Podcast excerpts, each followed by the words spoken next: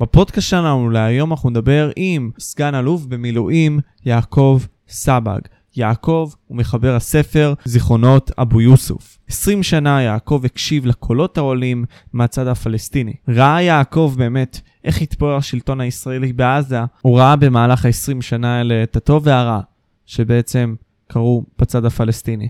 ובפודקאסט עצמו דיברנו על איך היו בעצם האזרחים הפלסטינאים באותה תקופה של אמצע שנות ה-80 ושנות ה-90. דיברנו על הג'יהאד האיסלאמי, פת"ח והצמיחה של חמאס, איך יכולנו למנוע את הצמיחה של אותם ארגוני טרור, ולבסוף דיברנו על שלום. איך אפשרי אולי ליצור שלום בינינו לבין הפלסטינאים. מקווה שתהנו. הנה אנחנו בעוד פודקאסט של משה פבריקנט, בואו נתחיל.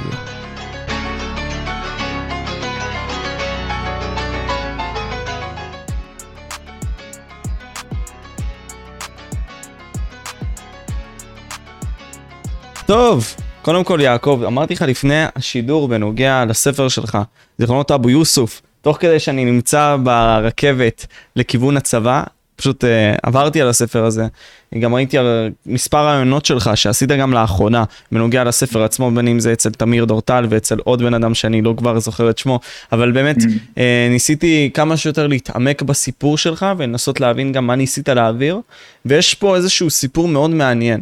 Uh, גם מבחינת החלק שאתה לקחת בתקופה הזאת של האינתיפאדות, אה, וגם ההסתכלות שלך אחרי זה לעניינים הפוליטיים ואיך שאנחנו מתנהלים בעצם עם כל העניין הזה של פלסטין, או הסכסוך ישראלי-פלסטיני. אה, אני אשמח בבקשה שבאמת תספר לי על הספר בקטנה מבחינת מה נתן לך את התמריץ באמת להיכנס אליו אה, ולעשות אותו. מה התמריץ? טוב, אז קודם כל ערב טוב, תודה שאתה מארח אותי פה הפודקאסט שלך.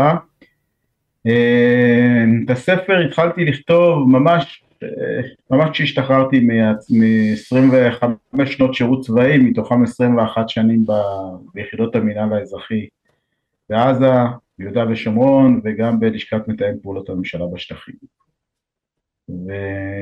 וכשהשתחררתי יצאתי במין, במין הרגשה לא, לא טובה. אני, זה, הייתי מאוד מאוד טעון ולא ידעתי אפילו להסביר לעצמי מה הבעיה. לא ידעתי להסביר לעצמי איפה, מה גרם לי להרגשה הזאת, ה... כאילו כמובן שהיו לי פה ושם חוויות אה, לא נעימות כמו לכל אדם שמשרת uh, הרבה מאוד זמן בצה"ל, uh, אבל היו לי גם הרבה מאוד רגעים טובים ונעימים, ואני לא, באמת לא הבנתי מה, איפה הנקודה ש... שמציקה לי, אבל הרגשתי שזה ממש מציק לי, והיו לי למעשה שתי אפשרויות, או ללכת לאיזה פסיכולוג, לשלם לו 400 שקל לשעה ש... ש... או יותר, אני לא יודע כמה לוקחים היום, אה, כדי, ש... כדי שיועיל ברוב טובו להקשיב לי ולהנהן בראש, או איכשהו לנסות לפרוק את זה בדרך אחרת, ואני בחרתי בדרך של לנסות לכתוב את הזיכרונות, לא בשביל לפרסם שום דבר, אלא פשוט בשביל עצמי. זה היה, ה... זה היה הרעיון, קצת לנסות לאבד עם עצמי את מה שעבר עליי. התחלתי להבין ש... שבהרבה מאוד מקרים פשוט ניצלו את מה שאני עשיתי, את העבודה שלי, כדי אה, ליצור איזה שהם שינויים בהחלטות ממשל... ממשלה, בהחלטות של הדרג המדיני, באמצעות דוחות ש, שנכתבו בצורה באמת מאוד נקייה, בלי שום אה, כוונה להשפיע על שום דבר, אלא פשוט לתאר מצב, ואנשים לקחו אותם ו... והטו אותם לכיוונים שהם היו רחוקים מהכוונה המקורית שלי. אה, ופשוט השתמשו בי. וזאת הייתה הרגשה כשהבנתי מה קרה, הבנתי שבאמת באמת באמת אה, עשו פה איזשהו מעשה שהוא לא יעשה. אה, ושיתפתי בדבר הזה את מי שהיה אז שכן שלי, חגי סגל, שעד לאחרונה היה עורך של עיתון אה, מקור ראשון, האבא של עמית סגל המפורסם. הוא היינו שכנים, ממש גרנו בית ליד בית, אבל מעולם לפני, לפני כן לא שיתפתי אותו ב... מה שאני עושה בצ... בצה"ל, כי הוא ידע שאני במינהל האזרחי, אכלנו לפעמים ביחד ארוחות שבת, אבל לא מעבר לזה. ושיתפתי אותו במה שכתבתי, הוא ביקש אם אפשר לקרוא את זה, ואז כשהוא קרא הוא אמר, תשמע, את הספר הזה חייבים להוציא. זה מסמך היסטורי שהוא מאוד מאוד משמעותי, ועם עדות של אדם כל כך מומחה ובר סמכה, אה, ניסיתי לעניין מספר הוצאות אה, לאור אה, בספר שלי, היו שם כל מיני סיפורים הזויים, כמו הוצאת ספרים אחת שאמרה, אנחנו מאוד מתעניינים בספר שלך, ואז, ואנחנו בוחנים אותו, ואז אחרי כמה זמן אומרים לי, הספר שלך הלך לנו לאיבוד בהוצאה לאור. וואלה. כן. ו... ואז אני שומע מאנשים ש... שהם התבקשו דווקא לעבור על הספר שלי. כל מיני אנשים ש... ש... שעבדתי איתם בצה"ל והבנתי שמשהו פה מסריח קורה. אמ, אבל בסוף התחלתי לקבל תשובה שלילית אחרי תשובה שלילית מכל ההוצאות המוכרות הגדולות. יש הוצאות לאור, אה, כאלה שהוצאות לאור של ספרים שאתה יכול אה, לשלם להם 40 אלף שקל והם יוציאו לאור את הספר שלך והוא מה שנקרא ירבוץ במחסניהן עד אה, ביאת משיח צדקנו או עד שיחליטו לגרוס כי כבר אין מקום. אה, ואתה תחלק את הספרים האלה ובשבוע הספר תשב ותרגיש כמו סופר ותחתום אה, זה אבל הספר לא יעשה שום, לא יהיה לו שום אפקט ושום משמעות. אז לרעיון הזה של לבזבז 40 אלף שקל שאין לי יותר מדי החלטתי שאני לא הולך. אמ, גייסת עצמאית ממה שאני זוכר, נכון? כן, זה, זה, זה, זה השלב הבא. אחרי, ה... כשהבנתי ש, שהספר לא, לא יוצא לאור בזה, דיברתי שוב עם חגי, והוא אמר לי, אתה יודע מה, אני מוציא לאור על זה כתבה. אה, ויצאה כתבה די גדולה בעיתון מקור ראשון על הספר, לפני ש... שהספר בכלל, אה, כאילו לפני שהוא יצא לאור, שהספר כתוב, אמ,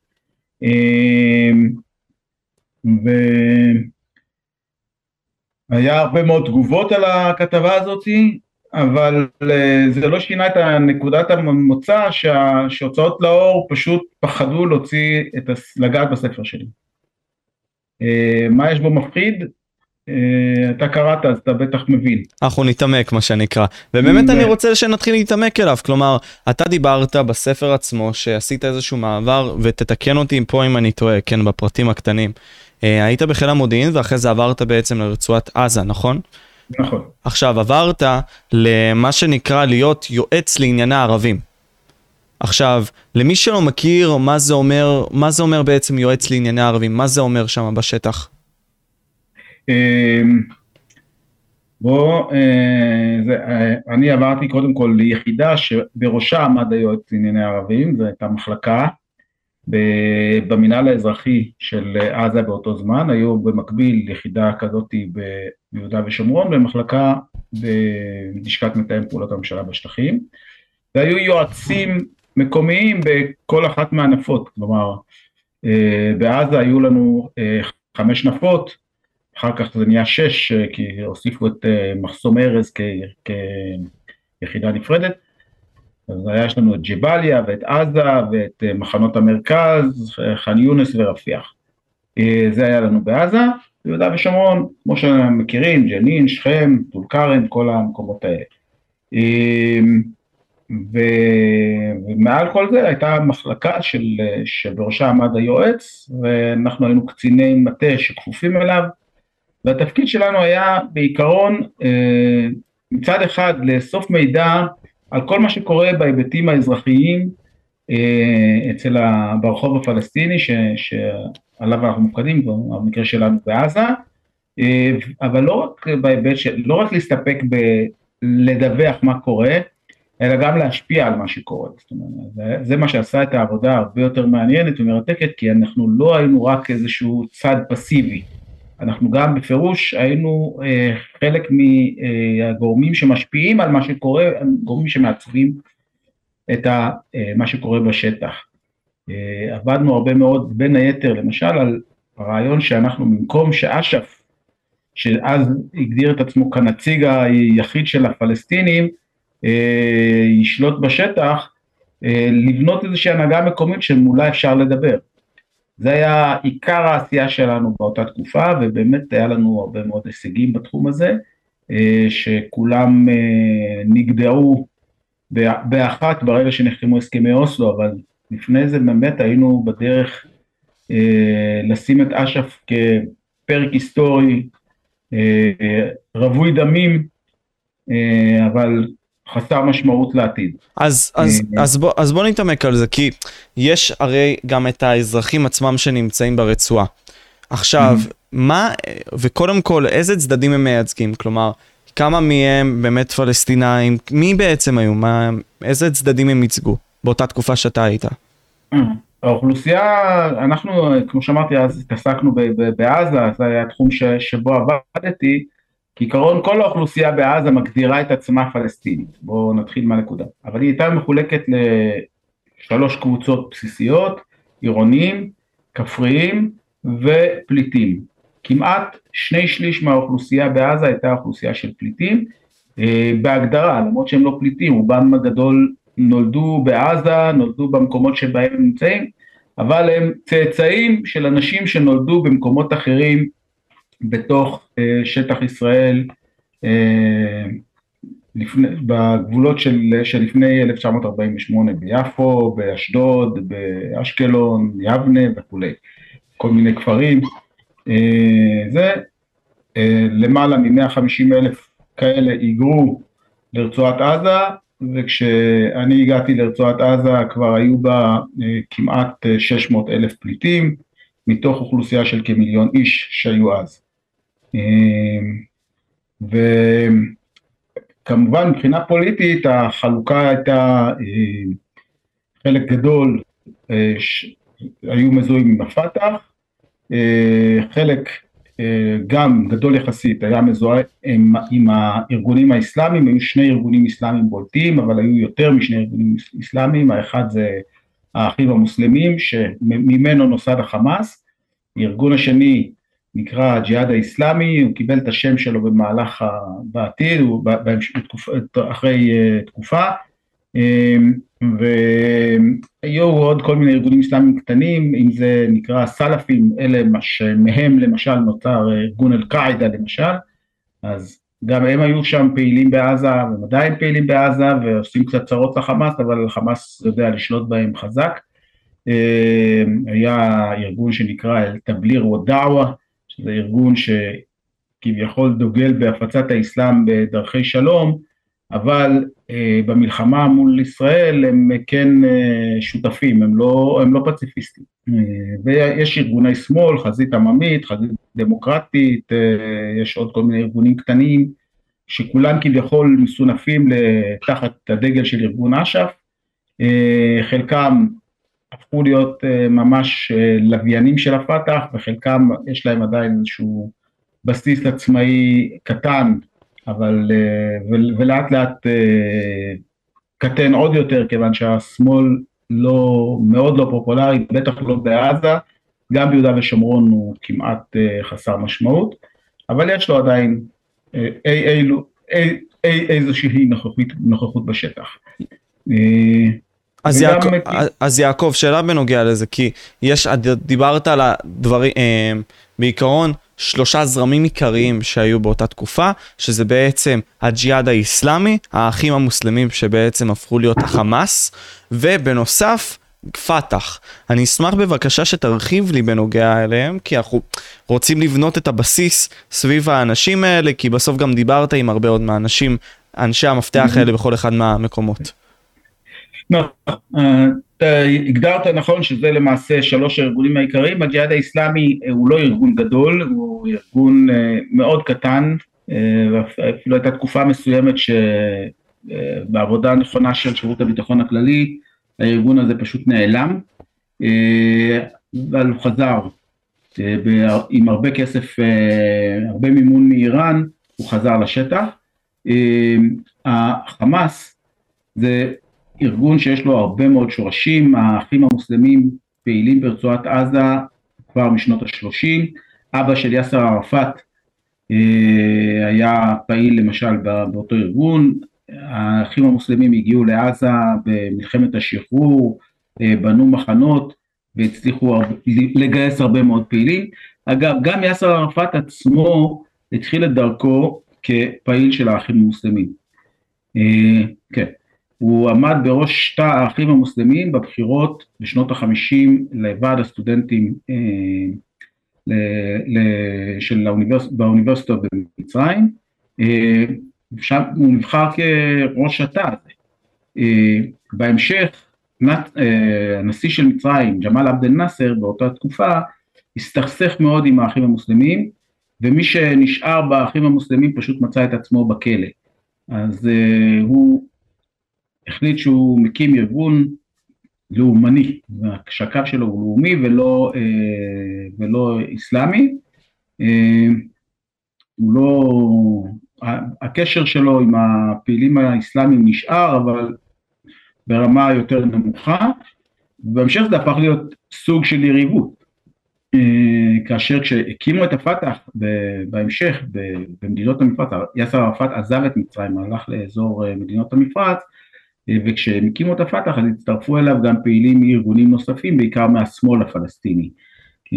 וככה הארגון קיבל איזשהו צביון לאומני ולכן הוא קיבל איזושהי מידה מסוימת של לגיטימציה. אבל האחים המוסלמים הופכים, גם כן בעקבות הלחץ המצרי די נעלמים מרצועת עזה וחוזרים בגדול בשנות ה-70 אה, כשישראל שולטת בשטח, כשגם במצרים אה, נאסר מתחלף באנואר סאדאת, אנואר סאדאת מאפשר לאחים המוסלמים לחזור למצרים ואז אנחנו רואים מחדש את ההופעה הזאת של האחים המוסלמים גם בעזה אה, גם קצת ביהודה ושומרון, ביהודה ושומרון זה נמשך כי המלך הירדני חוסיין היה באותו, המלך באותו זמן, אה, קיים קשרים מאוד מאוד הדוקים עם, הפעיל, עם האחים המוסלמים כאיזשהו מענה לניסיון של ג'מאל עבד אל נאסר לחתור תחת שלטונו בירדן.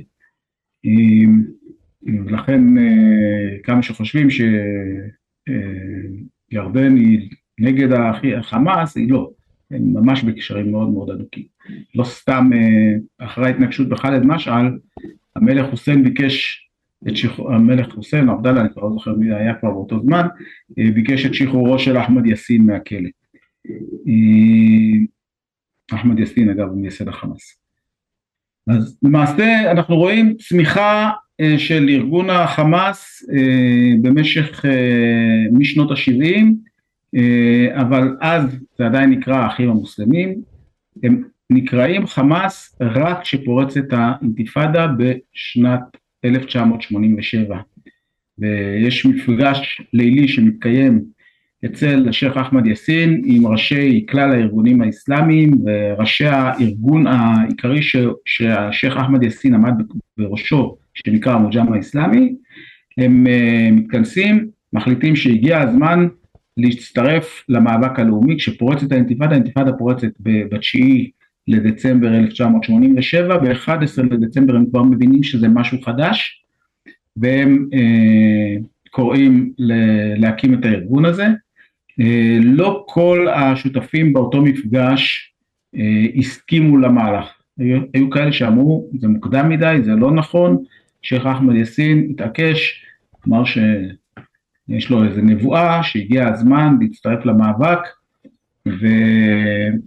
ושלושה ימים לאחר מכן ב-14 לדצמבר יוצא הקרוז הראשון של החמאס ומאז זה מוגדר כיום שבו נוסדה תנועת החמאס, 14 לדצמבר 1987. עכשיו, כמה דברים. בנוגע לאינתיפאדה, קודם כל, כן. מה היא הייתה? כלומר, מה הייתה המטרה שלה ומתי אתה הצטרפת ביחס לאינתיפאדה הזאת, למינהל האזרחי? אז האינתיפאדה איזשהו מהלך שאף אחד לא באמת תכנן אותו ברמה הזאת של היום אנחנו מכריזים על אינתיפאדה, אף אחד לא קרא לזה, אף אחד לא... זה, אבל היה תהליך אה, ארוך טווח, למעשה אפשר היה לראות אותו כבר פחות או יותר אחרי מלחמת לבנון השנייה, אה, לבנון הראשונה סליחה, שאש"ף מאבד את כוחו ואת מעמדו, ו... השטח בעזה במיוחד הופך להיות יותר אה, סוער ויותר מצד, מצד אחד, מצד שני יותר מיואש מהאפשרות שההנהגה ושמגעים מדיניים יביאו לו איזשהו שינוי משמעותי. ואז אנחנו מתחילים לראות גם שורה של פיגועים, פיגועי דקירה, פיגועי סכינים, בעיקר בהובלת אנשי מה שאתה קראת להם הג'יהאד האיסלאמי, אז עדיין עוד לא קראו להם ג'יהאד איסלאמי, והם עשו לא מעט פיגועים. אם עד 1982 וקצת אחרי זה עזה הייתה מקום שיחסית הרבה מאוד ישראלים הגיעו לשם לקניות דגים וירקות וטיפולי שיניים ומוסכים ורכבים, בהדרגה זה הפך להיות מאוד לא נעים. גם הפועלים שיצאו מעזה היו לפעמים מעורבים בטרור, וכמובן היו מעורבים בהרבה מאוד פעילות פלילית, והפך להיות, השטח נהיה יותר ויותר מתוח. לכך הצטרפה ב-1985 עסקת ג'יבריל האומללה, שישראל שחררה בעקבותיה למעלה מאלף מחבלים מאומנים אחרי הרבה מאוד אינדוקטרינציה בכלא, תמורת שלושה חיילי צה"ל שהיו בשבי הארגון של אחמד ג'יבריל, החזית העממית המפקדה הכללית, והחבורה הזאת פשוט התחילה לבנות תאים, תאים, שלב של אה, מאבק יותר אה, נחוש כנגד ישראל. הצטרפו לזה מספר פיגועים בולטים, אה, הבולט ביניהם היה הפיגוע על ליל הגלשנים, שמחבל אחד אה, עם גלשן אה, הגיע מלבנון ורצח שישה חיילים בבסיס אה, גיבור ליד קריית שמונה, אה, ופיגוע, ו... בריחה של אה, חמישה מחבלים מהג'יהאד האיסלאמי מכלא עזה במאי 1987 ואז לאחר אה, מרדף חלק מהם מעורבים בקרב שנמשך הרבה מאוד זמן באזור שכונת סג'עיה עם אנשי השב"כ, אחד מלוחמי השב"כ נרצח בקרב הזה ונהרג, גם ההגדרה הנכונה, והקרב הזה גם נתפס כאיזשהו ניצוץ שחידד מאוד את הרגשות הלאומיים. ואז לאחר שורה של פיגועי דקירה נוספים שקרו, הייתה תאונת דרכים ליד מחסום ארז, שבה סמי טריילר ישראלי דורס למוות חמישה או שמונה, אני כבר לא זוכר כמה, פועלים פלסטינים מג'באליה.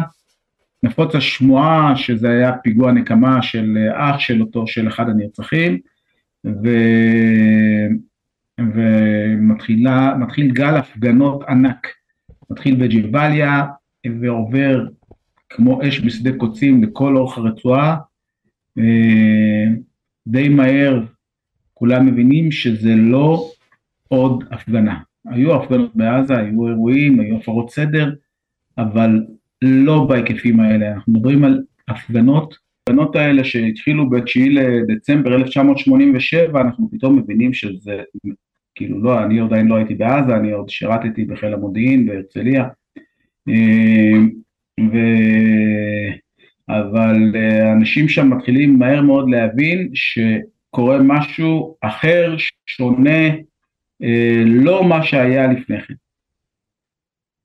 ו... הערבי, וגם הערבים מבינים את זה, ומתחילים לתת לזה את השם, האינתיפאדה, או ההתנערות. אה, והמושג הזה תופס, והופך, אבל זה, ההפגנות האלה הספונטניות נמשכות לזמן קצר מאוד.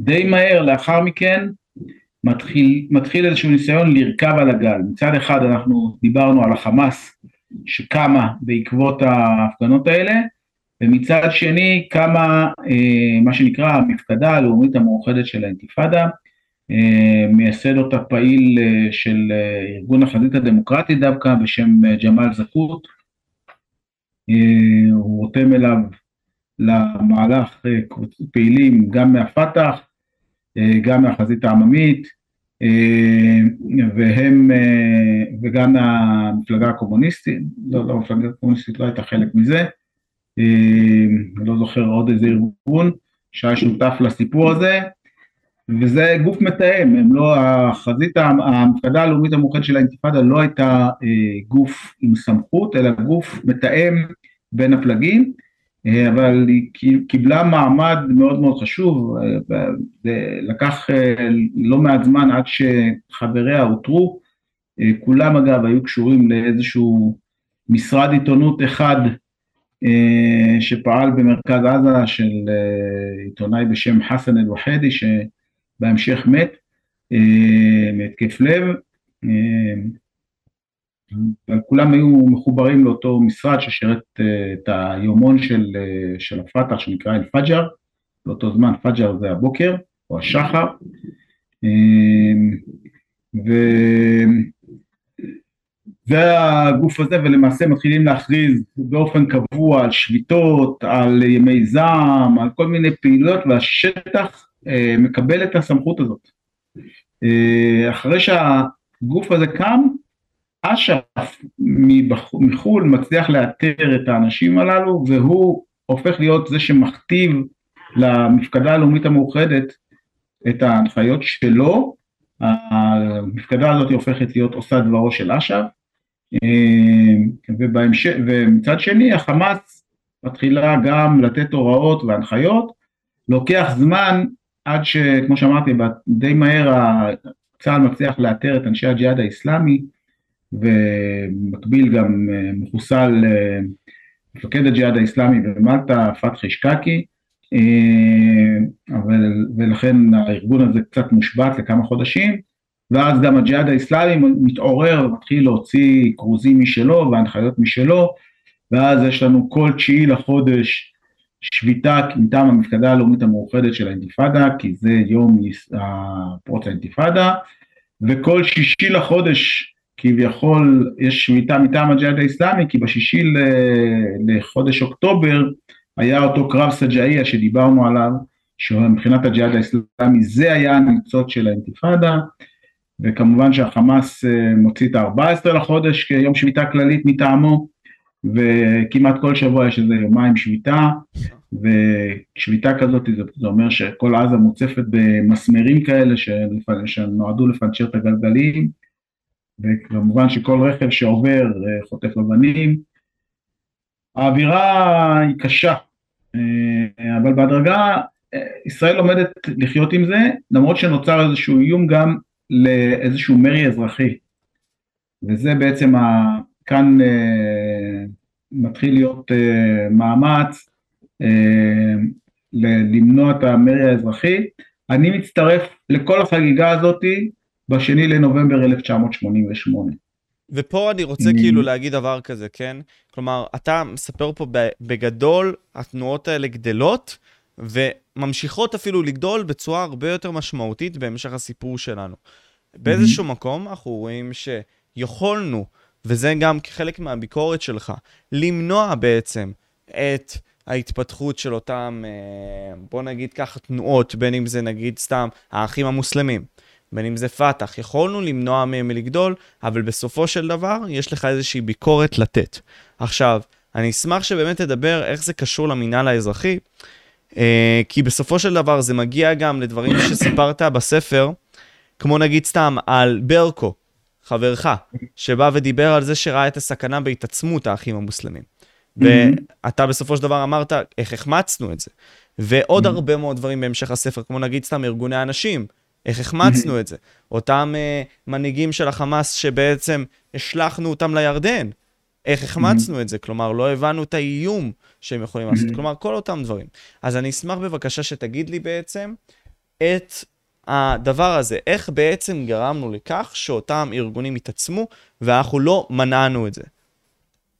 אה, בשלב הזה אני אה, צריך להגיד, הבעיה היא פחות, אה, המקור שלה פחות ב-level הפוליטי, למרות שהיה גם אה, איזושהי תפיסה רומנטית אצל חלק אחד מהשמאל הישראלי, שאמר, זה הזדמנות עכשיו, מה שקורה, זה הזדמנות להתחיל לחדש את הרעיון של מדינה פלסטינית, גבולות 67, כל מיני דברים כאלה, והיו לא מעט גורמים בישראל שהאמינו שאסור אסור לנו לדכא את האינתיפאדה הזאת.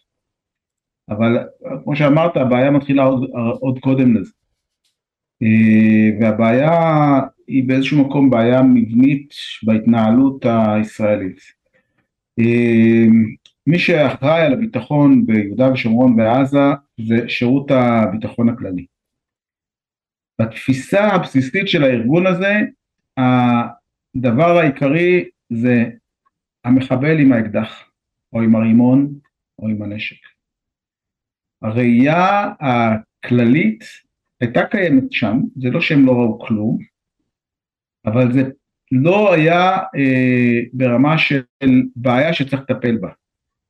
כלומר, לא היה איזשהו ניסיון של שירות הביטחון הכללי לטפל בארגונים כארגונים. הבעיה הייתה לטפל בחוליה כחוליה. אה, אגב, כנראה שחלק מראשי אותם ארגונים גם היו באיזשהו מקום אה, משתפי פעולה. אה, בסוג כזה או אחר של שיתוף פעולה. כמו מה, להערכתך, מה, מה הם עשו? וברגע שבן אדם, אם, אם אתה יודע למשל שראש ארגון מסוים הוא משתף פעולה שלך, והוא יסגיר לך את החוליות ש, ש, שיורות, אז אתה נותן לו להמשיך להפעיל את החוליות שלא יורות. את האנשים ש, שרק זורקים אבנים, שרק זה, שבדרך הזאת אתה מחזק את מעמדו כמי שמפעיל את האנשים הללו. אה, זה דבר שהוא איזושהי שיטת פעולה שאתה מנסה לאתר את ה... מישהו שהוא הדובר הכי קיצוני, נותן לו להפעיל את האנשים, הוא מספק לך את המידע על ה... אלה שכביכול אתה רואה בהם את הסכנה הגדולה, אלה שהם המחבל עם האקדח, אבל אתה לא מבין שהתמונה הכוללת שהארגון הזה צומח וגודל ואתה נותן לו להמשיך לגדול. אה, זה, זה גם חלק, זה הייתה חלק מהבעיה. עכשיו המינהל האזרחי באמת קיבל מעט מאוד אה, יכולות מודיעיניות, אה, דווקא אנחנו כן הסתכלנו דווקא יותר על, התפיס, על הבעיה הכוללת, על הראייה הכוללת של הארגונים הללו, אבל היה לנו הרבה פחות אמצעים ויכולות להתמודד עם הארגונים הללו. כן, נגיד סתם רשמת בספר, לחבורת הסוכנים החשאיים הנועזת לא הייתה אפילו מאבד תמלילים. כל דיווח היה מודפס במכונת כתיבה, מוכנס למעטפה, נשלח בדואר צבאי ומגיע ליעדו אחרי שבוע. זה היה הקצב. זו גם הייתה המחלקה שהייתה אמורה להתריע על פרוץ האינתיפאדה מראש, אך לא הצליחה לאבחן שהאינתיפאדה פרצה עד חלוף שבוע מפריצתה. נכון. אתה צודק, אני, שוב, אמרתי, אני לא הייתי שם באותה תקופה, אני יודע שלפני זה הזהירו שהשטח הולך להשתנות, אבל כשהאינתיפאדה פורצת, שבוע אחרי זה יש דוח שבועי של אה, מה קרה בשטח. הסעיף הראשון זה, זה עורך דין פייז אבו רחמה שזה הלך לכנס האינטרנציונל הסוציאליסטי, בסעיף 6 או 7 ההפגנות בג'באליה אה, הולכות ודועכות. ככה זה נראה, לא נעים להגיד, אבל כך, לא ככה נראינו בו. זה היה מאוד מאוד מאוד מאוד לא רציני. אה, לקח הרבה מאוד זמן עד שגם אצלנו הבינו ש, שה, שהשטח השתנה. שמה שהתר, שהתרענו מפניו קורה. אה, זה, זה באמת הייתה בעיה. אז אתה אומר לי במקום מסוים שגם התקשורת אמרה את זה, גם רשמת בספר שלך, אמרת שהשב"כ במקום מסוים, או יותר נכון התקשורת, האשימה שהשב"כ כן עודד את הצמיחה של החמאס. אתה מקבל את הטענה הזאת? אני פחות מקבל את הטענה הזאת, לפחות לפי הנתונים שהיו לי, זה לא שהשב"כ עודד את זה, הוא פשוט לא טיפל בזה. פשוט לא, לא ראה בזה איזה בעיה גדולה, כי גם, איך אומרים, עוד ארגון ש, שקצת מכרסם בהגמוניה של אש"ף, זה, זה לא נתפס כאיזה בעיה. במיוחד שבאותה תקופה החמאס, או יותר נכון האחים המוסלמים, לא ביצעו פיגועים. אז אם הם לא מבצעים פיגועים, למה אני צריך להילחם בהם? נכון. כאילו, זה, הייתה התפיסה, כאילו לא הבינו, לא הייתה איזו ראייה אסטרטגית ארוכת טווח שמבינה את המשמעות של ארגון עם אה, אוריינטציה אסלאמית קיצונית, שדוגלת בזה שצריך להשמיד את מדינת ישראל. זה מה שנקרא, זה משהו לחזון אחרית הימים. כלומר, הצבא עצמו גם, נראה לי, רשמת את זה, אימץ מדיניות של מינימום חיכוך, שכללה צמצום של נוכחות צבאית בשכונות ובמחנות הפליטים. זה, זה בהמשך, זה בשלב זה יותר בהמשך, כן. ש... בשלב הראשוני זה לא, זה לא מה שקורה, אוקיי. אבל כשאנט... ככל שהאינתיפאדה אה, הופכת להיות יותר אה, אלימה, אה, הצבא אומר, ככל שאני אכניס את החיילים שלי לאיזה מחנה פליטים, אז יהיה, על, יהיה, יהיה לחבר'ה שם על מי לזרוק אבנים. למה לעשות את זה? בואו ניתן להם להשתלט על השטח, שיזרקו אבנים אחד על השני. עכשיו, מה, ש, מה שהתוצאה של זה הייתה, זה שהיה מאוד מאוד מסוכן להיות משתף פעולה למשל. כי משתף פעולה, במיוחד אם אתה חשוף, ויש כאלה שהם חשופים, אין מי שיגן עליהם. והם פשוט התחילו להירצח אחד אחרי השני, כל אדם שקצת אפילו רק היה חשוד בשיתוף פעולה, פשוט נרצח. אה, וככה פתאום אתה מתעלף בשטח ואתה די עיוור, אמנם אה, יש כל מיני אמצעים נוספים, טכנולוגיים וכדומה, אבל אה, בואו לא נשכח שאנחנו בעידן שהטכנולוגיה קיימת, אבל הרבה פחות ממה שהיא קיימת כיום. והשטח, אה, אתה מאבד את העיניים שלך, אתה מאבד את היכולת להשפיע, ברגע שהאנשים שלך מתים, בהדרגה אנחנו אה, מאבדים את היכולת, כי אנחנו, התפקיד שלנו הוא לא רק לדווח על מה שקורה, אלא גם להשפיע על מה שקורה ועל מה שיקרה, ואנחנו בהדרגה מאבדים את היכולת הזאת, כי אנשים פוחדים לשתף איתנו פעולה, כל איזשהו צעד שמתפרש כשיתוף פעולה, גם אם הוא נועד כביכול לטובת האוכלוסייה, הוא לא לגיטימי. מאיפה מגיע החוסר לגיטימיות? חוסר לגיטימיות, ברגע שאנחנו שייכים לצד הישראלי, אה, זה לא לגיטימי, זה אתה משתף פעולה עם, עם האויב.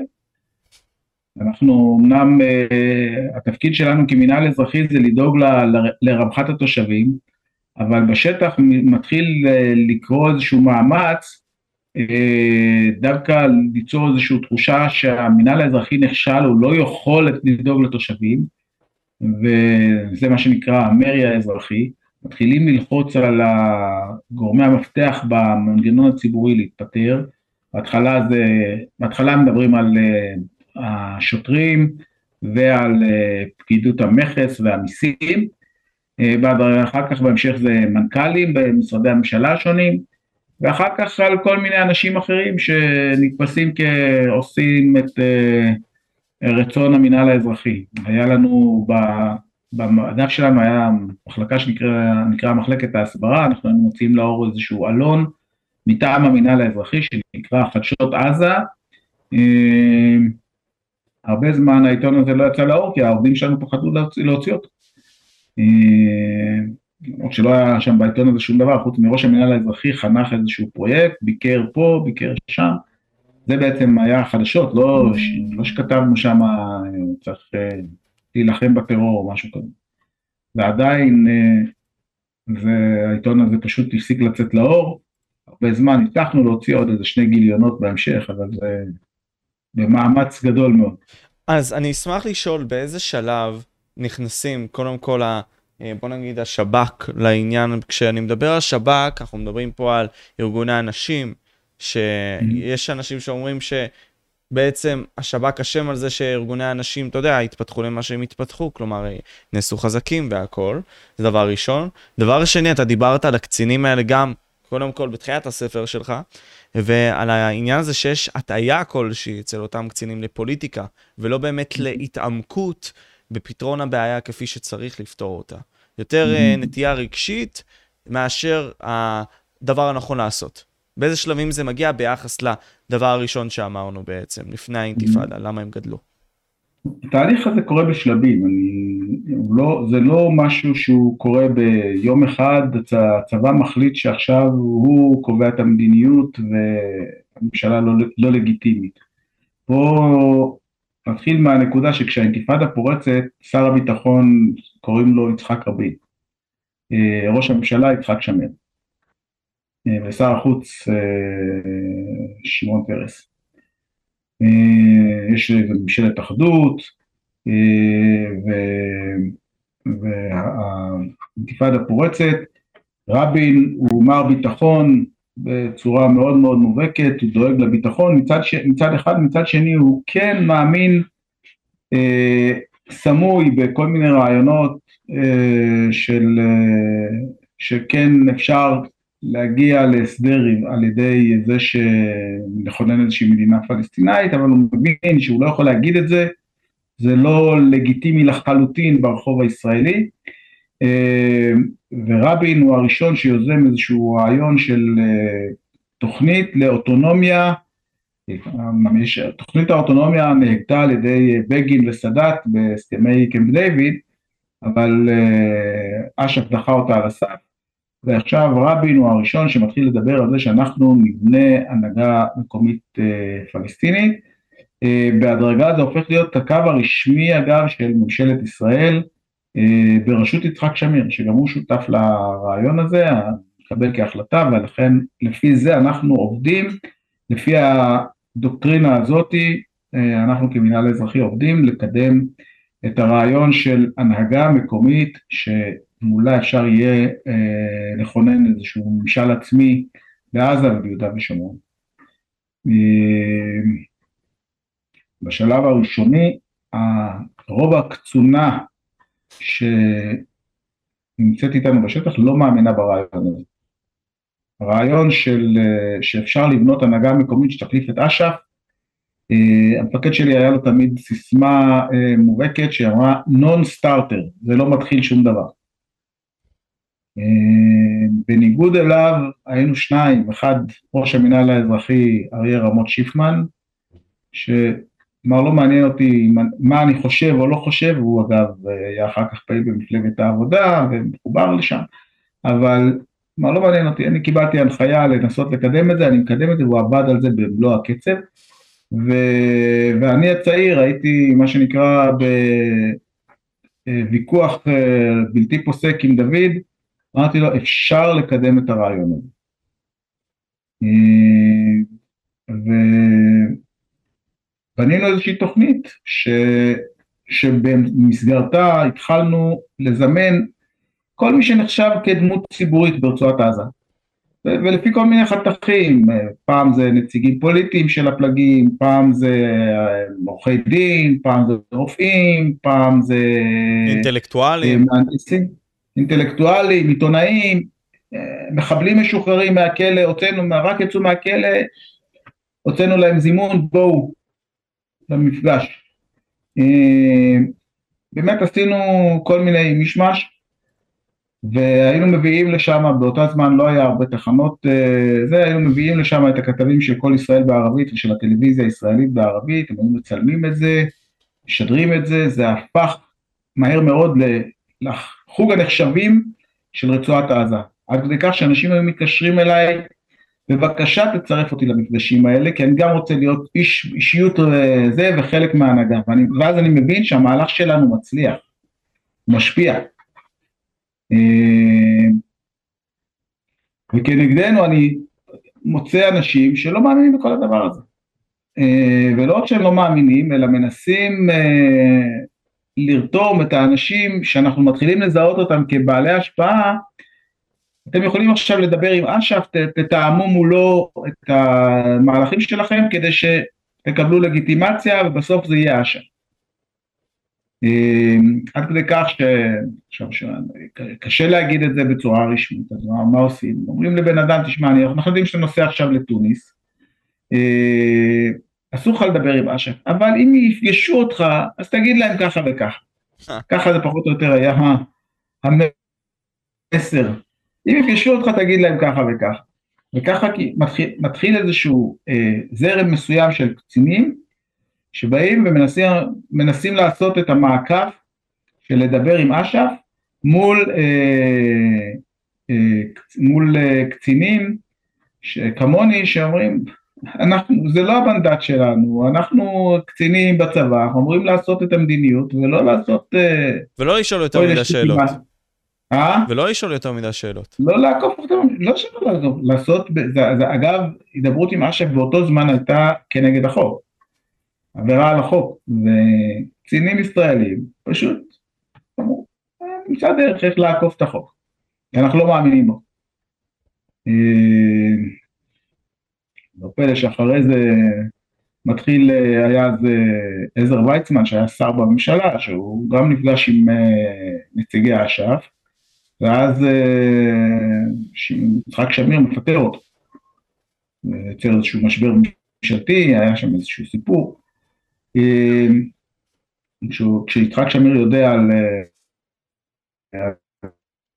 על הזה, אבל המפגשים האלה לא היו רק בדרגה של עזר ויצמן, היו עוד אחרים. וכמובן היה בעיקר העברת המסרים העקיפה הזאת, תגיד לו, תגיד לזה, אה, היו כל מיני אנשים אה, שאנחנו ידענו בדיוק מה הם עושים ומה הם אומרים, והכל היה גלוי. אה, אבל מעבר לזה גם אותה, חלק גדול מהקצונה האמין באותו קו שדיברנו עליו לפני זה, של אה, בוא נניח להם להשתלט על השטח למחבלים, חבל אה, להתחכך איתם, ניתן להם להשתלט על השטח. אה, הם עודדו את הרעיון הזה של לפתוח מוסדות של, שהיו קשורים לארגוני הטרור, במיוחד לחמאס, האוניברסיטה האסלאמית הייתה סגורה תקופה מאוד ארוכה. אה, אני הייתי זה שאיתר זה שהם אה, עושים את הלימודים שלהם בכל מיני מסגרות מחוץ למוסד. אני מדווח על הדבר הזה. במקום לטפל בבעיה הזאת שהם עושים אה, לימודים מחוץ למוסד, אה, מביאים אה, המלצה לשר הביטחון, בוא נפתח את המוסד. ועל הדרך נפתח עוד מוסד ש, שגם לפתח יהיה מוסד משלו. פתאום נהיה אוניברסיטה אחת של החמאס, האוניברסיטה האסלאמית, ואוניברסיטה אחת של הפתח שנקראת אוניברסיטת אל-עזר. וכל הדברים הללו קורים, אה, שר, שר ביטחון לא יודע מה, שמי שממליץ יש לו איזשהו קו פוליטי, הוא בטוח שזאת עמדת הדרג המקצועי. עכשיו בין היתר למשל לוקחים את הדוחות שלי שמסביר על זה ש, שהדברים קורים, טוב אתה רואה זה, זה כבר קורה אנחנו לא מסוגלים לשלוט בזה אז בוא נפתח רחב שיהיה גלוי אולי ככה נצליח לפקח בחלומות והאוניברסיטה האסלאמית הפכה להיות המוסד מספר אחד לייצור מחבלים מתאבדים במשך שנים ארוכות. אה, זה היה פשוט מוסד להכשרת מחבלים מתאבדים. אה, וכמובן שלא זו הייתה כוונתי, אבל השתמשו בחומר שלי למטרה הזאת. אחד הדברים שדיברנו בתחילת השיחה זה איפה אני מרגיש שמנצלים אותי, אני, זו הייתה אחת, אחת הדוגמאות, רק דוגמה אחת, היו עוד הרבה מאוד דוגמאות נוספות שלוקחים ניירות שאני מתריע על בעיות, ואז אומרים, טוב, אז בוא, אי אפשר לטפל בבעיות הללו, כאילו, אתם רואים, זה הבעיה, הוא מציג לנו בעיה, בוא, אי אפשר לטפל בבעיה, אז בוא נשלים איתה ונרחיב אותה עוד יותר. זה נשמע מאוד טיפשי כשאנחנו שומעים את זה מהצד. זה נשמע מאוד טיפשי, אבל ככה זה עבד, לצערי הרב. לקח לי הרבה זמן להבין, כי שוב, אני הייתי בדרג של, של לא הדרג שפוגש את שר הביטחון עם הניירות שלי, ומסביר את המשמעות. אני הייתי כותב את הניירות על מה שקורה בשטח, אנשים לקחו את הניירות, קצינים בכירים ממני, לקחו את הניירות שלי ובאו והסבירו לשר הביטחון, לרמטכ"ל, למי שלא יהיה, שאין ברירה, חייבים לעשות, לאור זה שהקצין מתריע על בעיות, אי אפשר לטפל בהם. עכשיו אני, הרבה פעמים כן כתבתי איך צריך לטפל בזה, אבל את החלק הזה של ההמלצות, מישהו דאג למחוק. ואיך זה באמת עובד? כי אני אומר לעצמי, אוקיי, בוא, בוא נזרום עם הרציונל הנגדי. מה הרציונל לעשות דבר כזה לדעתך? אם אתה יכול עכשיו לשבת באותם ראשים של אותם קצינים, ואתה אומר לעצמך, אוקיי, יש לנו פה בעיה מסוימת, ואנחנו מבינים שלתת לאנשים שבאיזשהו מקום גם כלואים, בוא נגיד ככה במחשבה כלשהי, אסלאם, זה דת שהיא מאוד ברורה. באיזשהו מקום, ויש לה גם השלכות מאוד uh, הרסניות.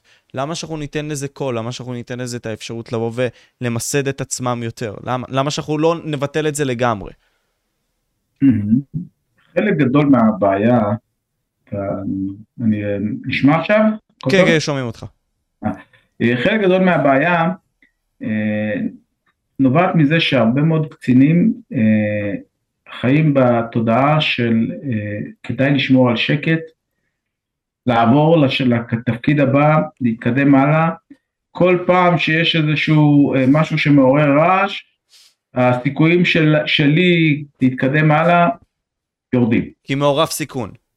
כן, ברגע שיש, שאני צריך להתמודד עם בעיה אה, משמעותית, אני, אם אני מתחיל עכשיו, ל... נקרא להיכנס לעימות, למשל, דוגמה עכשיו האחרונה, שהכריזו למשל על רפורמה משפטית. אז הרבה מאוד אנשים אומרים, למה אתם עושים את זה בצורה כזאת? נכנסתם עכשיו לעימות חזיתי, תסתכללו מה שקורה, יש פה איזה, זה, בוא, כדאי לוותר על זה, למה לריב? בואו נעשה את זה בשקט. אפשר לעשות אה, הישגים הרבה יותר טובים בשקט.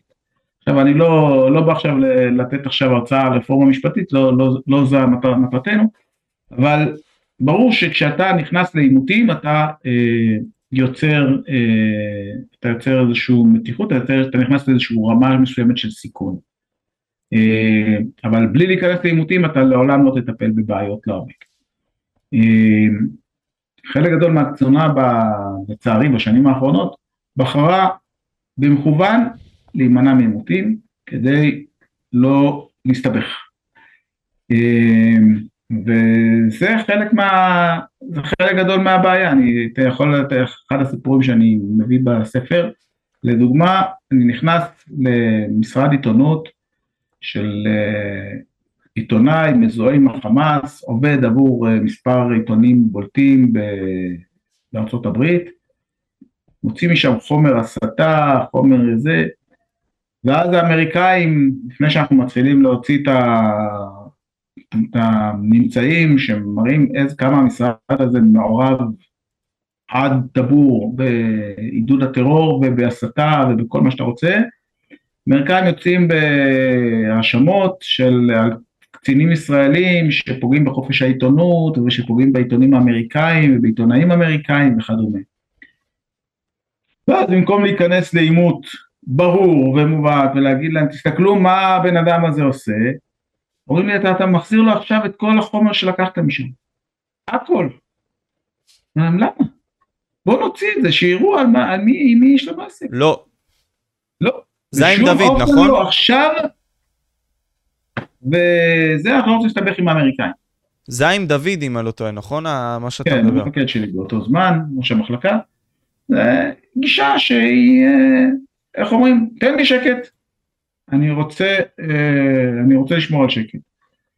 אה, בדיעבד, דוד הוא אגב אחד האנשים שבאמת אני עד היום בקשר איתו, אנחנו חברים טובים, ידידים, אני מעריך אותו מאוד, הכל, אבל הוא תוצר של מערכת שלמה שזה התפיסה שלה, של בוא נשמור על שקט, בוא לא נסתבך. אז לכן אותה סיבה, בואו לא נשלח את החיילים שלנו למחנות הפליטים שיתחילו להרוג שם את מיידי אבנים. אמ, זה לה, ניתן לה, להם להרוג את המשתפי פעולה, לא נורא, פחות משתף פעולה אחד, שתיים, שלוש. אבל יעקב, זה מסקנה שלך כל הדבר הזה, או שנגיד סתם, אתה דיברת עם כל החברים שלך שהיו קצינים דאז, והבנת שזה באמת קו המחשבה שלהם. באמת, איך חשבת על המחשבה הזאת? אה, של הקונפורמיסטיות הזאת. באותו זמן, באותו זמן אני חלק מזרם, אני לא יכול לבוא ולהגיד, אני הבנתי שמשהו מפריע לי, אבל אני חלק מזרם ואני לא ממש, כמו שאמרתי, עד שלא יצאתי מהזה והסתכלתי בנקודת על, לא הבנתי מה קורה באמת. אני זורם, יש, זו דעתי, זו דעתו, הכל טוב. אה, חייב להגיד את זה, זה, אני לא, אה, אני מודה בזה בזה, אני לא ראיתי את התמונה הכוללת עד שלא הסתכלתי עליה ככה מה שנקרא ממבט מבחוץ, כשאתה בפנים אתה לא מבין איפה אתה נמצא. לוקח הרבה מאוד זמן להסתכל ולראות את הדברים הללו כשאתה חלק ממערכת. אני מבין, אבל הכוונה שלי נניח כשרשמת את הספר ולאחר כן. מכן אחרי שהוא כן. יצא, בשיחות שאתה עושה עם אותם חברים שלך, שהיו קצינים גם, האם כן. בקו המחשבה שלהם גם עבר, וואלה, הייתי קונפורמיסט. לא לקחתי את הסיכון כי רציתי להישאר בתפקיד, או כי רציתי לעלות בתפקיד. זה בערך מה שהם חושבים כפי שאתה, כפי שהבנת. נדיר שבן אדם יבוא ויגיד, תשמע, עשיתי משהו שאני לא מאמין בו, רק כדי להתקדם או להישאר בתפקיד, או...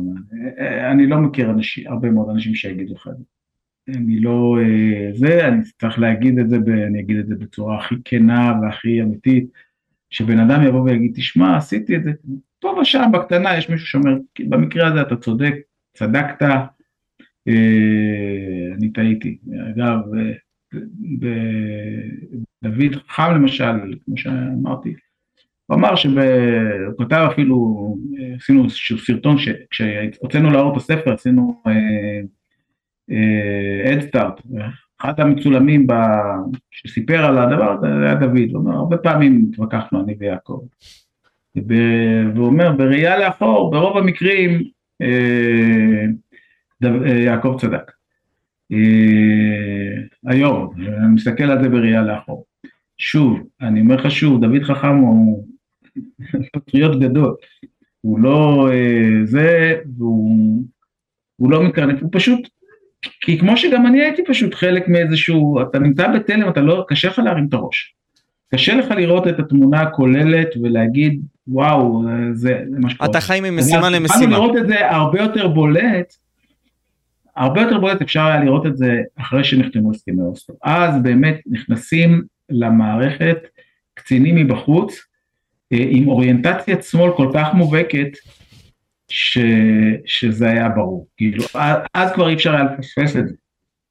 לפני זה, זה מה שנקרא, זה בעיקר היו קצינים שאמרו בואו אנחנו רוצים לשמור על שקט, לשמור על זה, למה להיכנס לעימותים, למלחמות, בואו נעשה כמה שפחות מלחמות. אחרי הסכמי אוסלו נכנסים לצמרת המינהל האזרחי ותיאום פעולות הממשלה בשטחים קצינים עם אוריינטציית שמאל, פשוט הם נבחרו בגלל ש, שזו היה, הייתה דעתם. מה אתה אומר? כן, הם נבחרו ל...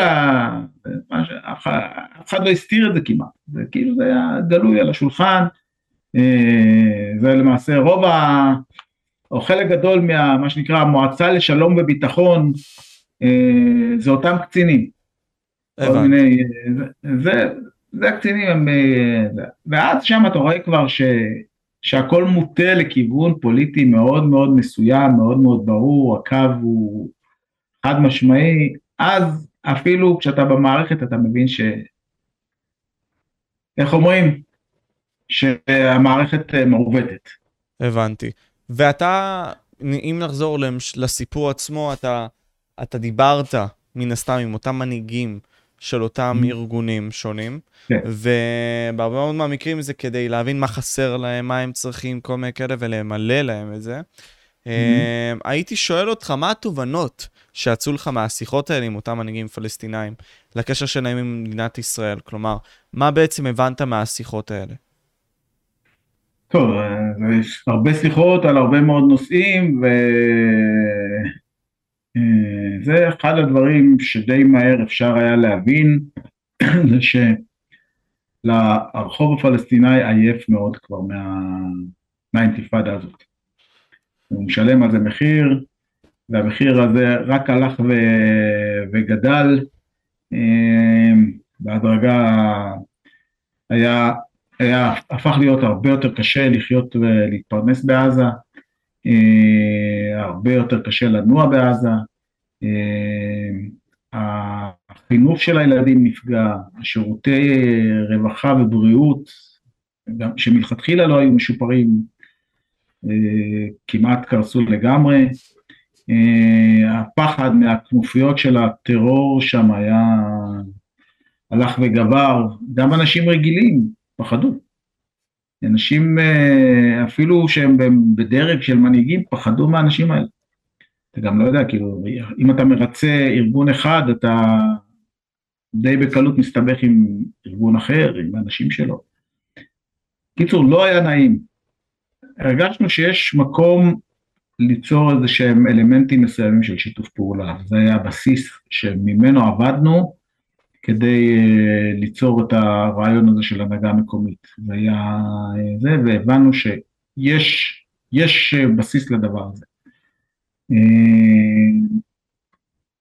והמהלכים ממש הלכו וצברו תאוצה, ותמיד, מצד שני, זה תמיד היה בשיטה של צעד קדימה ושניים אחורה, ואז עוד שניים צעד קדימה. כאילו זה לא משהו שבקו מהיר וזה, והכל, התמודדנו שם עם מציאות לא פשוטה. כמו שאמרתי, למי שמצטייר כמשתף פעולה עם ישראל, הוא לא לגיטימי. לכן ידע, ידענו לפגוש אנשים שמצד אחד היו מוכנים לשתף פעולה, ומצד שני לא להצטייר ככאלה.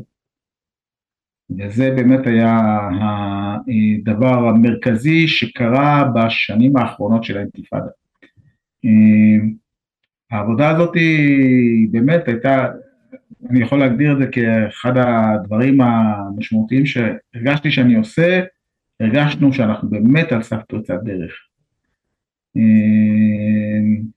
אגב, הייתה איזשהו סוג של מסוים של פריצת דרך, שנקרא ועידת מדריד, שבה בהסכמה בשתיקה של אש"ף, אה, הוקמה משלחת של נציגות מהשטחים של יהודה ושומרון, עזה, אה, אה, עם נציגות ירדנית דווקא ולא של אש"ף, אבל אנשי אש"ף כן השפיעו על החבורה הזאת מאחורי הקלעים. אבל המטרה שלנו הייתה להגיע למצב שבו בהדרגה אנחנו נצליח לנתק אותה. וכבר גם שם היינו בדרך. אה, בתוך עזה הוקם משרד של הפת"ח, של אנשים שלא היו מוכנים לקבל את כל ההנחיות של אש"ף. נכון שכן הם קיבלו, אני לא, לא יכול להגיד שהם לא קיבלו לגמרי, אבל הם היו, אה, בחלק מהדברים היו מוכנים כבר להגיד לאנשי אש"ף, אתם לא יודעים מה קורה פה, אנחנו ננהל את השטח. אה, וזה היו אנשים שהיה להם הרבה מאוד מעמד ציבורי, גם בזכות זה שחלקם הגדול היו שותפים לפיגועים, אמנם לא פיגועים ש... שבהם נרצחו ישראלים, אבל כן משתפי פעולה למשל, וישראל שחררה אותם מהכלא, אה, במסגרת כל מיני משאים ומתנים עם הנציגים היותר זוטרים של הפת"ח, כי הם הרגישו שהם צריכים את הגיבוי הזה. אגב, גם בצד הישראלי היו לא מעט אה, גורמים שהמטרה שלהם הייתה שהשיחות הללו לא יובילו לשום מקום. והיה איזשהו אה, שיתוף פעולה לא, לא, לא גלוי, אפילו לא סמוי, כאילו שיתוף פעולה בזה כדי ששום דבר לא יקרה. אה, אבל כן אנחנו היינו באיזשהו מהלך שיכול להיות שהיינו יוצרים היסטוריה, הכל נגדע די מהר ברגע שהחל אה, המשא ומתן באוסלו, אז כולם הבינו ש... אין טעם להתקדם במסלול הזה, ואז אוסלו צף מעל פני השטח והכל נגמר.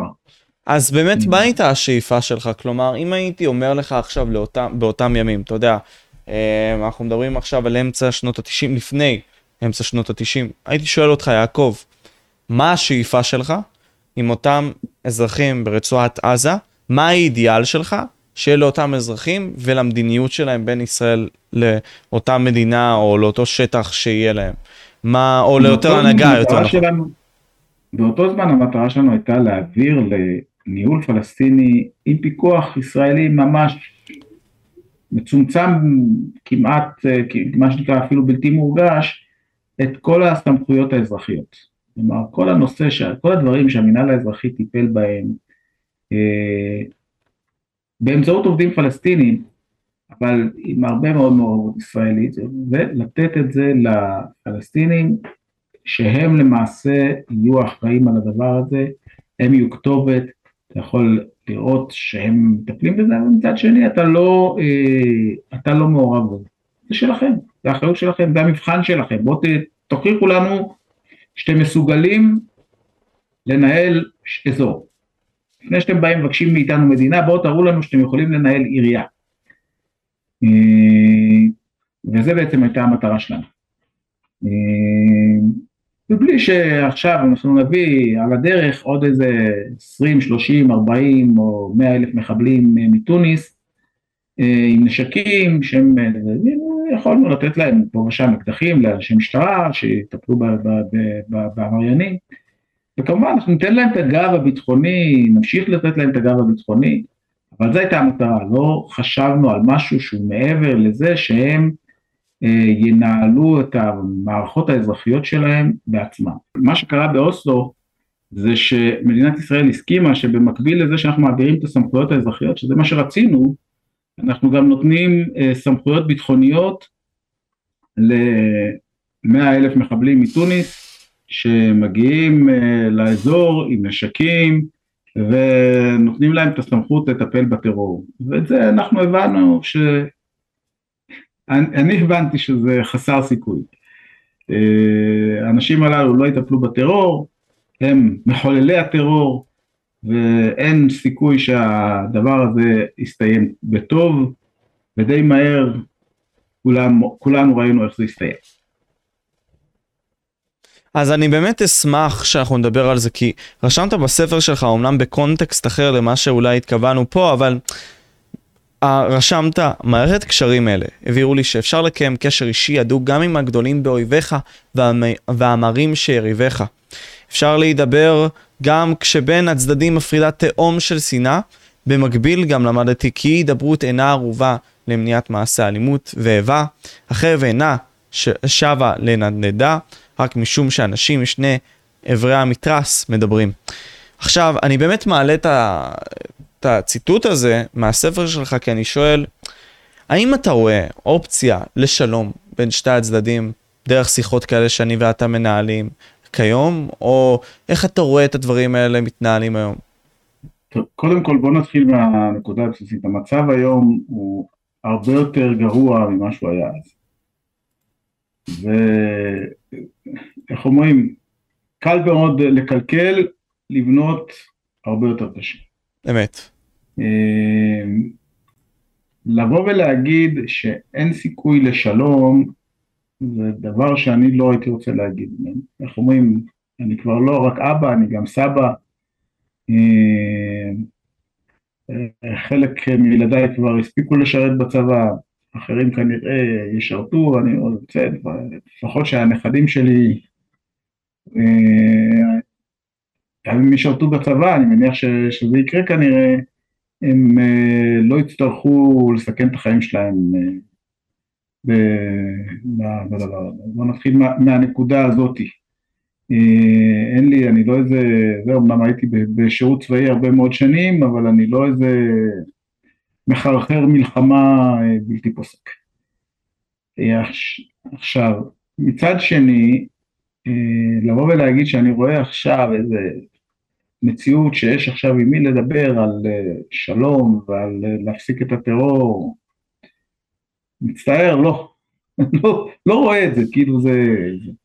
ועדיין אני כן רואה אה, הרבה מאוד, אפילו הייתי אומר רוב התושבים, לפחות ביהודה ושומרון, אני פחות רואה היום את התושבים של עזה, אבל ביהודה ושומרון אני רואה לא מעט, אנשים שרוצים לחיות את החיים שלהם, רוב, למרות כל הסיפורים על uh, זה שהחמאס מובילה, והיא אכן מובילה, אם תעשה עכשיו בחירות uh, בשטח, חמאס תנצח, אין לנו פה, אני לא, uh, זה, החמאס תנצח בצורה מאוד מאוד ברורה, הרשות הפלסטינאית איבדה לחלוטין את הלגיטימציה שלה, לא בגלל uh, שהיא בעד אוסלו או נגד אוסלו, אלא בגלל שהיא גוף מושחת ורקוב.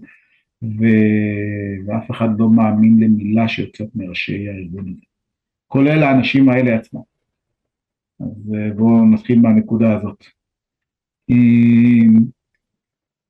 בסופו של דבר, וכמו שאמרתי, עדיין רוב גדול של התושבים אומר, תן לי לחיות את החיים שלי. פה, בצורה טובה ונעימה, ולהתפרנס בכבוד, ולחיות בש, בסוג של ביטחון, אה, ואני לא רוצה את כל, ה, את כל מה שקורה מסביב, ואני לא רוצה לראות את הילדים של השכנים שלי נהרגים, למרות שהילדים שלי הולכים אחר כך להלוויה שלהם ושרים שירי הלל השהידים, ואגב, בכל חתונה פה שאתה תיכנס, אה, זה, שמע, לא יודע, לא יודע אם שמעו מפעם לפעם את אה, רעשי הרקע של הזיקוקים פה חתונה בכפר הסמוך, אבל אה, זה, זה היה, ככה עכשיו זה הפסיק, אבל זה בתחילת הפודקאסט הזה, שיחה בינינו, שאפשר לשמוע את זה די טוב.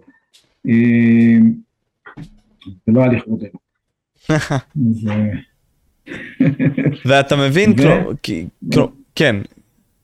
אז אני אומר, שרים שירי הלל לשהידים ושרים שירי הלל לטרור וכדומה, כי זה חלק ממס השפתיים, אבל בסופו של דבר כשאתה פוגש את האנשים ומדבר איתם באמת באמת, רוב האנשים אומרים תן לי לחיות.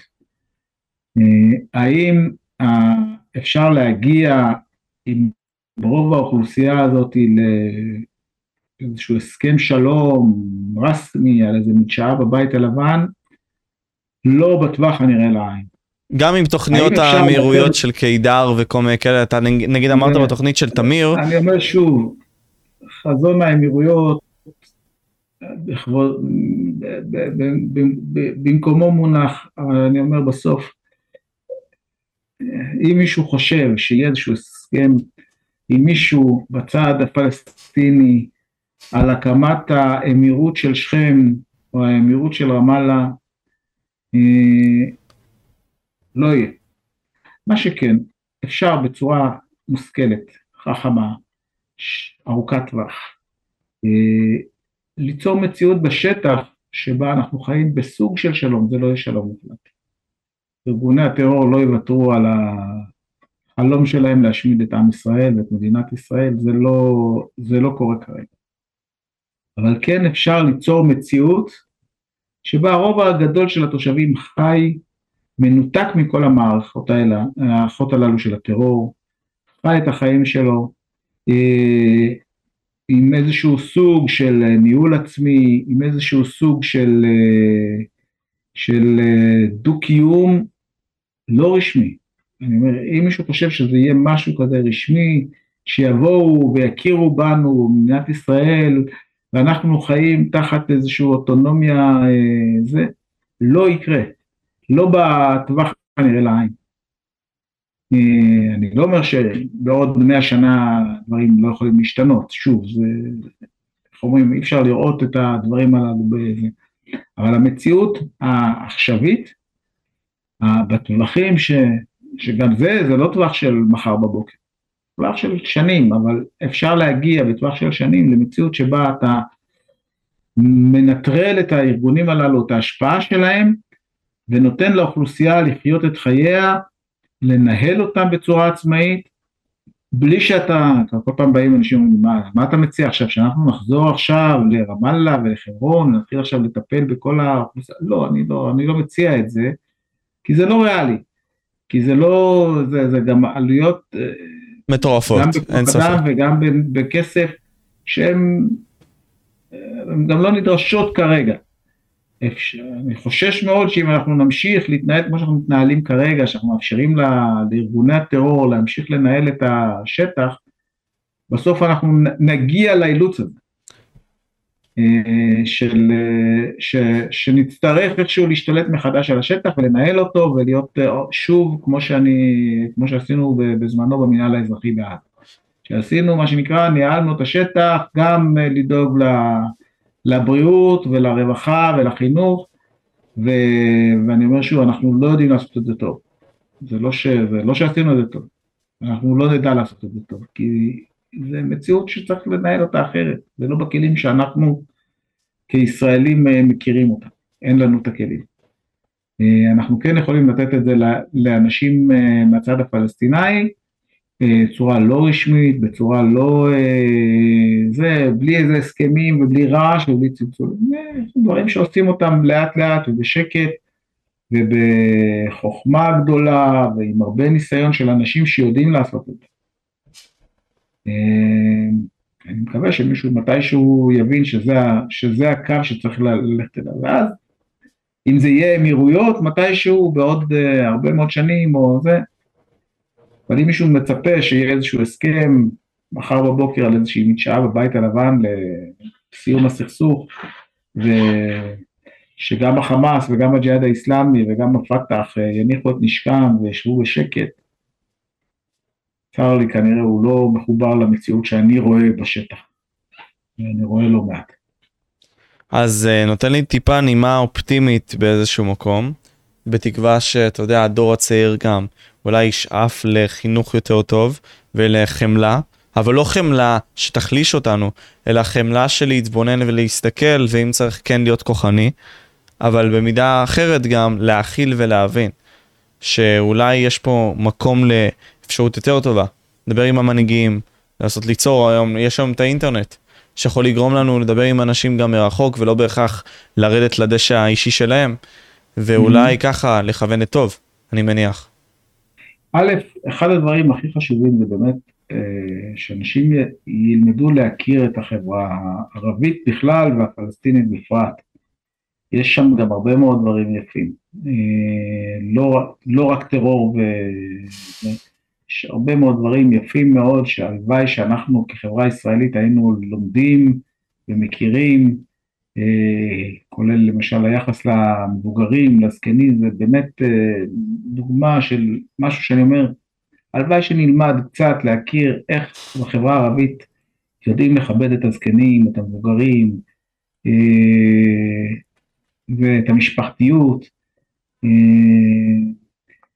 אה, וגם חלק מהערכים של הצניעות, כמובן לא, לא כל דבר, כי אה, לוקחים את זה לקיצוניות לפעמים שהיא הרבה מעבר להגיונית ולגיטימית, אבל הרבה מאוד דברים הייתי כן לוקח מהחברה הערבית, אה, לא רק את הפולקלור ואת השירים, אה, ואת השירים ואת הדברים הללו. אה, יש הרבה מאוד דברים, ולא רק את החומוס. הרבה מאוד דברים טובים שאפשר ללמוד, וחשוב שאנשים אצלנו יכירו. גם כדי להגיע מתישהו לאיזשהו סוג של דו-קיום, ואני אומר שוב, דו-קיום אני לא מאמין כרגע שיש לנו איזה פוטנציאל לאיזשהו שלום עם כל מיני אה, טקסים וצלצולים. לא, אבל כן אפשר, ואגב יש דיוקים, ואחד הדברים שקורים הכי הרבה, דווקא בהתיישבות היהודית, זה המגע הישיר בין, אה, בין המתיישבים לבין האוכלוסייה הפלסטינית. וכאן, איך אומרים, את רוב הבתים בהתיישבות בונים פלסטינים. נכון. נעים להגיד.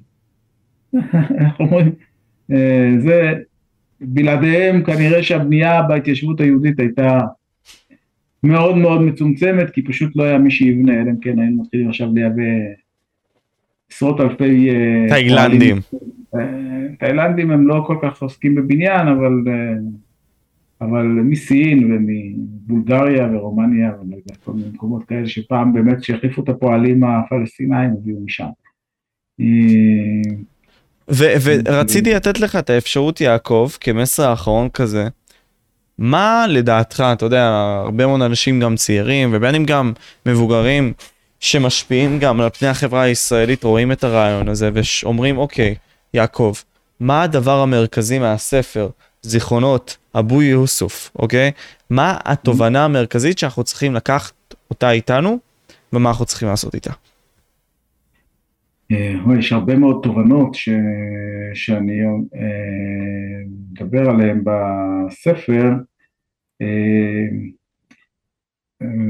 איך אומרים, לא על כולם אפילו דיברנו, כאילו, זה, אנחנו דיברנו בעיקר על התובנה הזאת של, איך אומרים, להבין ש, שגם הקצינים הבכירים, שהרבה פעמים אנחנו חושבים שהם חכמים ומבינים, אגב, רובם הם חכמים ונבונים והם מבינים, אבל לא תמיד האמת נמצאת בצד שלהם, ולא תמיד הם אה, מתנהגים ב, ב, במערכות האלה בצורה החכמה ביותר. החוכמה, לא כל החוכמה נמצאת אצל אותה, אותה חבורה של קצינים, אותה חבורה של אנשי ביטחון שתמיד אה, נותנים לנו את ה... אה, של מי שיודע, לצערי הרב ראיתי אותם, הם לא תמיד ידעו ולא תמיד הבינו, ולפעמים גם מעבר לזה שהם, לפעמים הם כן ידעו והבינו ולמרות זאת עשו ההפך ממה שהם ידעו והבינו. אז זה דבר אחד. דבר שני שצריך להבין זה שכשאנחנו, אה, אנחנו לא כל כך הרחבנו בחלק הזה של המסר של הספר שלי, אבל ש... האלימות הפלסטינאית והאלימות מהצד הערבי קורית לא על רקע של ייאוש, לא על רקע של מצוקה כלכלית, אלא דווקא על רקע של תקווה ודווקא על רקע של רווחה, אה, דווקא מצד אנשים שיחסית טוב להם. אה, וחשוב להכיר את הנקודה הזאת כש, כשבאים ל, ל, ל, להתמודד עם, ה, עם האלימות הזאת זה להבין את השורשים, השורש הבסיסי זה כשיש תקווה שהאלימות הזאת תביא תוצאה, אה, שמה אה, יש סיכון מאוד מאוד גדול שתצמח אלימות. אם אתה מבין שהאלימות שלך לא תיתן לך שום תוצאה ושום שום אה, הישג, אתה לא תבחר בדרך הזאת, אתה תנסה לבחור בדרכים אחרות. אה, כשאתה עסוק כל הזמן בפרנסה ובדאגה לילדיך ולרווחה שלהם, אתה לא תתעסק בלחפש רימון ואקדח ולבצע פיגוע. אין לך מחשבה למהפכה, זה נגיד סתם לוקח אותנו לרפורמה המשפטית שהזכרת לפני כן, המעמד, מעמד הביניים כדוגמה.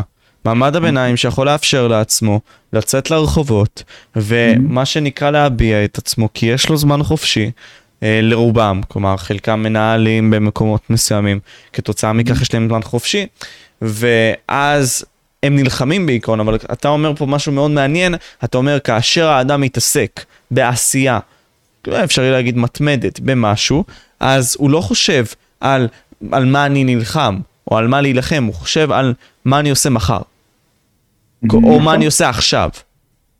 נכון, זה באמת הדבר המרכזי שצריכים להבין.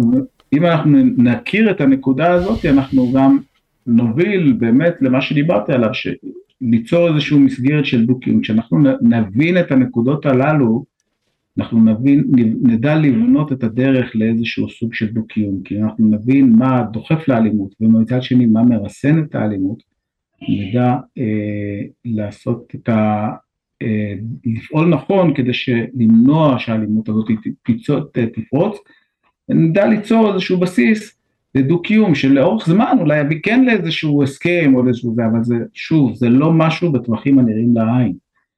אה, חשוב שנבין שזה, שזה המציאות. דבר השלישי שאני אה, חייב לציין זה שבסכסוך הישראלי-פלסטיני מעורבים לא, זה לא רק סכסוך ישראלי-פלסטיני, מעורבים בו כל כך הרבה גורמים זרים אה, שבוחשים בקלחת.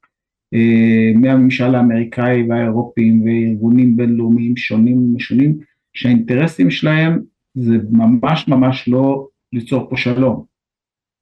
האינטרסים הם בכיוונים אחרים לגמרי. כמו מה, סתם דוגמה, מדל... נגיד סתם עם האו"ם וארצות הברית, כדוגמה. אה, ניתן דוגמה עכשווית שקורית עכשיו, אחרי מבצע בית וגן, ישראל החליטה שהיא מפסיקה לטפל בטרור במחנה הפליטים ג'נין. אה, ונותנת לרשות הפלסטינאית להתמודד עם זה. עכשיו אין אפילו אה, קצין הכי זוטר, בוודאי לא בכיר, שמאמין שבאמת הרשות הפלסטינאית תטפל בטרור במחנה הפליטים ג'נין, בסדר? פה ושם הם עושים איזושהי הצגה, עצרנו את אה, אחמד הזה, שם מישהו זוטר, יממה אחרי זה יורים להם על המפקדות, או מאיימים על מישהו ומשחררים אותו בדלת האחורית, והכל טוב, מה שנקרא ובא לפלסטין גוי. למה אנחנו עושים את זה? כי יש מגעים בחסות הממשל האמריקאי לכונן יחסים עם סעודיה, אז ישראל נותנת איזשהו, לממשל האמריקאי, אה, אתם רואים, הנה בואו אנחנו מדברים עם פלסטינאים, נותנים להם אה, זה. קיצור, שום דבר ש... אנחנו עומדים באינטרסים שלכם, זה לא בא מכוונה אמיתית, זה מה שאתה מנסה להגיד. גם, גם במקרה הזה, גם אצל האמריקאים זה הכל אינטרסים. אה, אין כאן שום, אה, שום דבר של, שנועד מעל, לדאוג למדינת ישראל, לרווחתה, לביטחונה, לקיומה, וזה הדיבורים האלה, איך אומרים? מי שרוצה להאמין להם, שיבושם לו, אני קצת התבגרתי מהם. אתה אומר זה כמו אנשים שהולכים למקומות מסוימים, כמו התרמות והכל, ומצלמים את זה לרשתות, בשביל להראות עד נכון. כמה אנשים טובים הם. אך בפועל, אם הם לא היו מצלמים את זה לרשתות ולא היית, לא היה את האינטרס הזה, יש מצב שהם אפילו לא היו עושים את זה, כי לא, לא במחשבתם בכלל לעשות את זה, רק כדי להציג את עצמם כטובים. נכון, אבל המטרה פה לדעתי היא הרבה יותר מורכבת, יש כאן אה, דברים הרבה יותר מורכבים, אני לא רוצה להיכנס לזה כי זה לבד היינו צריכים עכשיו איזה פודקאסט של שלוש שעות, אה, אז חבל אה, שניכנס ל... אני אומר שוב, במקרה הזה נסתפק רק באמירה הזאת שיש הרבה מאוד גורמים זרים שבוחשים פה בקדרה ובקלחת וחייבים להכיר אותם ולהתמודד מולם ולהבין שעד שלא נטפל ב... שלא נדע איך להתמודד עם הנקודה הזאת, אנחנו לא נצליח אה, להתמודד עם הבעיה הפלסטינאית לעומק. אה, זה באמת דבר שבאמת חשוב מאוד להכיר אותו אה, בנוסף לכל, ה, לכל הדברים הללו. אה, אז זה בעצם אולי הייתי אומר שלושת המסרים העיקריים והמסר האחרון שדיברנו עליו הרבה זה העניין שאפשר, אפשר לחיות פה בדו-קיום, אפשר לחיות פה ב... בחיים יחסית של ביטחון, אה, בלי לנהל עכשיו מחדש את האוכלוסייה הפלסטינאית שברמאללה ובשכם ובעזה ובכל מיני מקומות כאלה, אבל זה צריך להיעשות אחרת, לא על ידי זה שאנחנו אה, נבנה על זה שגם הצד הפלסטיני ידאג לנו גם לטיפול בטרור, ולא על ידי זה שנשלם שוחד של... אה, מדינת ישראל היא המממנת הכי גדולה של הטרור נגד עצמה. אה, לא נעים להגיד את זה, באמת, אנחנו מעבירים לרשות הפלסטינאית כל חודש למעלה מחצי מיליארד שקלים. דרך המיסים שלנו אה, שאנחנו בעצם משלמים, לא? רשמית זה כביכול המיסים שהם משלמים. אה, זה, אני אומר שוב, למעלה, לדעתי למעלה מ-50% מהדבר הזה זה הונאה אחת גדולה, תרמית מוחלטת, כסף שכביכול פלסטיני מייבא לרשות הפלסטינאית, מקבל את הכסף חלקו בחזרה ואז המוצרים הללו מוצאים את דרכם בדלת המסתובבת חזרה לשוק הישראלי. אה, וקרוב למחצית מהכסף הזה מיועד לממן אה, מחבלים, משפחות מחבלים, אנחנו כביכול מקזזים חלק מהכסף הזה שעובר למשפחות השהידים וה... והאסירים אה, מהכספי מיסים, באמת באמת אנחנו מקזזים פחות מעשירית מהסכום שבאמת הרשות הפלסטינאית אה, מממנת באמצעותו את המחבלים האלה. אה, בקיצור, מדינת ישראל היום המממנת הכי גדולה של הטרור כנגד עצמה. פשוט מציאות הזויה שהגיע הזמן שמישהו יבוא ויגיד די מספיק אין שום הצדקה להמשיך עם הדבר הזה, עם השטות הזאת, בואו בוא נפסיק עם זה, ויש מספיק דרכים אחרות, אה, לא להתחיל, במקום לתת את זה לאבו מאזן ולכנופיה שלו לגנוב את הכסף וחלק גדול ואת השאר לחלק למשפחות מחבלים ורק חלק קטן מזה מגיע באמת לרווחה ולחינוך ולמערכות האחרות, אפשר לשפר את, איכות החיים של האוכלוסייה הפלסטינאית הרבה יותר, אה, בהרבה פחות אה, משאבים, ולדאוג באמת ש, שגם יהיה פה הרבה פחות טרור ויהיה פה הרבה יותר נעים. בתקווה. זה פחות או יותר הדברים, אני חושב, אני מקווה, בנימה אופטימית זו, שהמסרים הללו יגיעו למי שצריך. בתקווה, בתקווה, בתקווה, ואתה יודע, השאיפה היא שבאמת החזון האישי שלך זה שנוכל לחיות, אמנם, אתה יודע, לא בשלום מלא, אבל עם כוונות טובות ורצון ששני הצדדים יחיו בצורה טובה, עם הבנה שאולי שני הצדדים זאת אולי השאיפה הכי גדולה שלנו. ולא, כאילו איך שאני מוסיף לזה אולי, זה כן להתעסק בלפתור את הבעיה, אבל לחשוב בצורה ארוכת טווח, כי קצרת טווח אי אפשר. כלומר, אין לנו אפשרות כזאת, כמו שאמרת. מסכים איתך.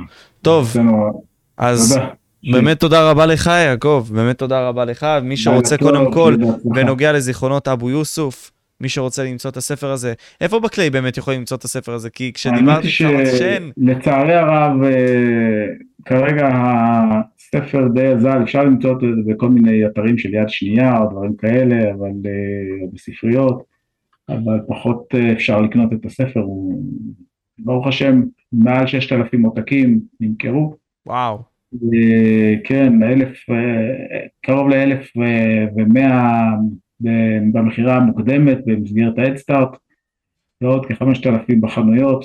אני, אני לא יודע אם יש כרגע תוכנית להוציא לאור מהדורה נוספת, אני לא בטוח ש, שיש כרגע מחשבה על זה, אה, אבל מי יודע, ימים יגידו. ימים יגידו איש יקר. ולסיום רק נגיד עוד דבר אחד, אנחנו את המפגש בינינו יזם אה, עדן פורת, אה, ועדן פורת הוא בנו של אה, בן ציון פורת, אה, אדם שהיה חבר יקר אה, במינהל האזרחי בעזה, המשך במפקדת התיאום והקישור, אדם שעשה, תרם תרומה מאוד מאוד משמעותית, הוא בנה למעשה את ה... את הבסיס לכל תיקי המודיעין האזרחי של רצועת עזה במציאות שבה אחרי הסכמי אוסלו אנשים חשבו שאין אין טעם להתעסק עם זה בכלל והוא באמת יצר את זה, בנה את זה בצורה ממוחשבת, העלה את זה על מערכות GIS אה, והוא נפטר אה, בקיצור ימים ושנים אז אני רואה חובה נעימה להזכיר, להעלות את זכרו, הוא באמת היה ידיד אישי יקר מאוד, אה, אחד מהאנשים הראשונים שהכניסו אותי למציאות העזתית, אה, אני כותב עליו אה, מספר פעמים בספר שלי, על האינטראקציות בינינו, ובאמת, יהי זכרו ברוך. יהי זכרו ברוך, ותודה רבה לעדן שבאמת חיבר בינינו. תודה, לילה טוב. יאללה, לילה טוב.